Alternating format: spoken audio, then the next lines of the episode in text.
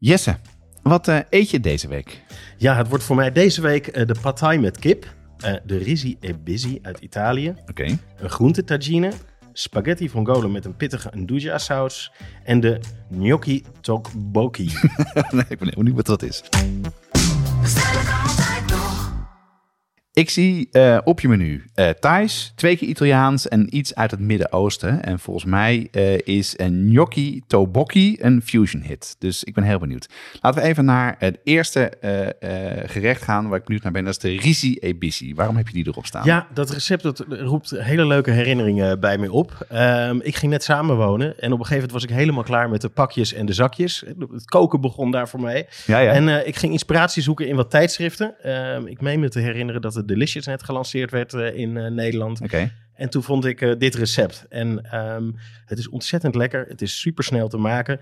En eh, het werd wel heel snel een soort signature dish eh, thuis. Als in één keer per week koken. Oké. Ehm, en ik heb het al heel lang niet meer gemaakt. Dus ik dacht, dat is eigenlijk wel weer leuk om dat recept op het menu te zetten. En weer eens uit te proberen. En kijken of ik hem ook weer wat beter kan maken. ja, en, en wat is het? Wat, wat, wat voor gerecht is het dan? Ja, de risi busy betekent gewoon heel plat rijst en erwten. Eh, en het is een risotto gerecht uit Venetië. Oh, is risotto gewoon? Ja, precies. En Ja. de mooie combinatie is romige risotto, een beetje zoutige pancetta of spek. Kan je wel weglaten als je het vegetarisch wil doen. Eh, en dan zomerse frisse, frisse erwten erbij. Dus Ah, het is ja, ja. best wel een heel goed zomers eh, gerecht.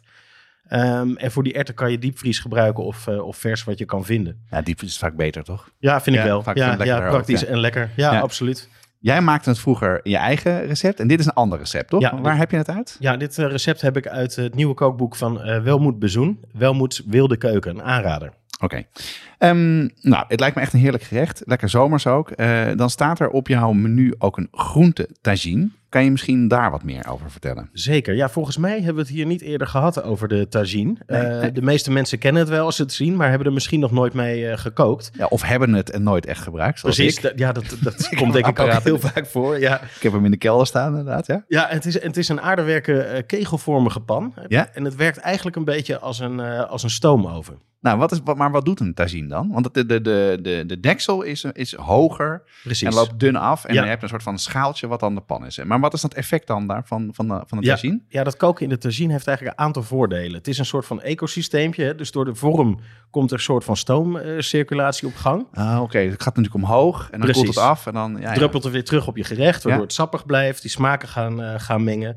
En omdat je heel traag kookt, eh, ontstaat er ook een goede temperatuurverdeling. En dat komt ook door dat aardewerk, dat zo langzaam eh, over het geheel verwarmt. Ja, het is veel poreuzer, hè? Precies. Ja. Ja, en ehm, ja, een heel belangrijk aspect daar ook aan is het serveren. Je zet eigenlijk de hele pan op tafel en eh, iedereen schept er eh, uit op. En dat ziet er natuurlijk ook wat leuker uit dan een stalen, stalen kookpan Nee, zeker weten, neerzetten. zeker. Daarom had ik hem ook. Maar ik heb hem daar nog niet gebruikt. Maar dat klinkt heel goed. Dat ga ik ook weer proberen.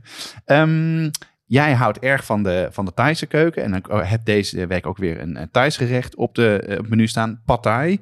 Ehm, vind ik heel moeilijk om te maken. Klinkt heel simpel. Wat is jouw geheim voor het succes? Ja, dat is inderdaad zo. Ehm, een noedelgerecht, lekker snel makkelijk. Dat is het ook wel, maar je moet het wel even doorkrijgen. En Ja. eh, Jeroen had het even geleden al eh, over de juiste manier van roerbakken.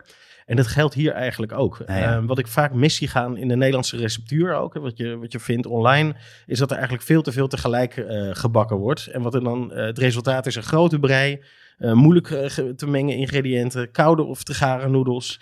En de truc is eigenlijk per portie roerbakken en heel snel goed heet wokken. Nou ja, want dat is in mijn, in mijn resultaat ook. Gewoon echt een soort van bal van deeg. Wel lekker. Dat is een erg lekker gerecht eh, om te maken. Ja. Ehm, nou, wat zijn er, kan je een paar dingen even vertellen die dan eh, ervoor zorgen dat je het wel goed op tafel krijgt als je het eh, gaat wokken? ja, je gaat het dus eigenlijk eh, ook weer in een kwartier even voorbereiden. Dan gaat Ja. het vaak mis. Eh, je gaat het in stappen doen. Nee, alles voorbereiden. Eh, zorgen dat die eh, wok eh, ontzettend heet is. Ja. En dat je eigenlijk het uitgangspunt hebt van wat een Thaise streetfood eh, verkoper heeft. Ja. Alles staat klaar. De wok is heet. Ja, allemaal in bakjes, dingetjes. in bakjes. En je kan gewoon vlam eronder. super snel per portie eh, wokken en, eh en uitserveren. Ja.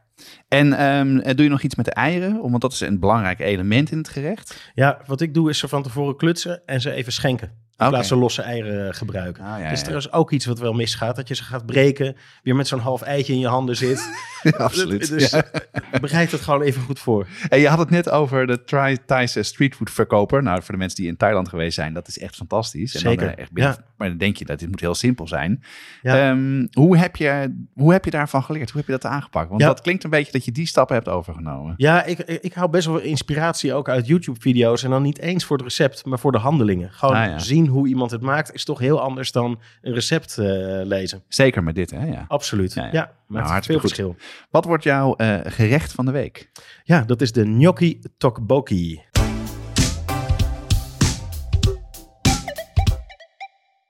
Op onze site hebben we ruim 400 recepten staan. Maar voor meer dan 200 ingrediënten moet je toch echt even naar een speciaalzaak gaan of een toko.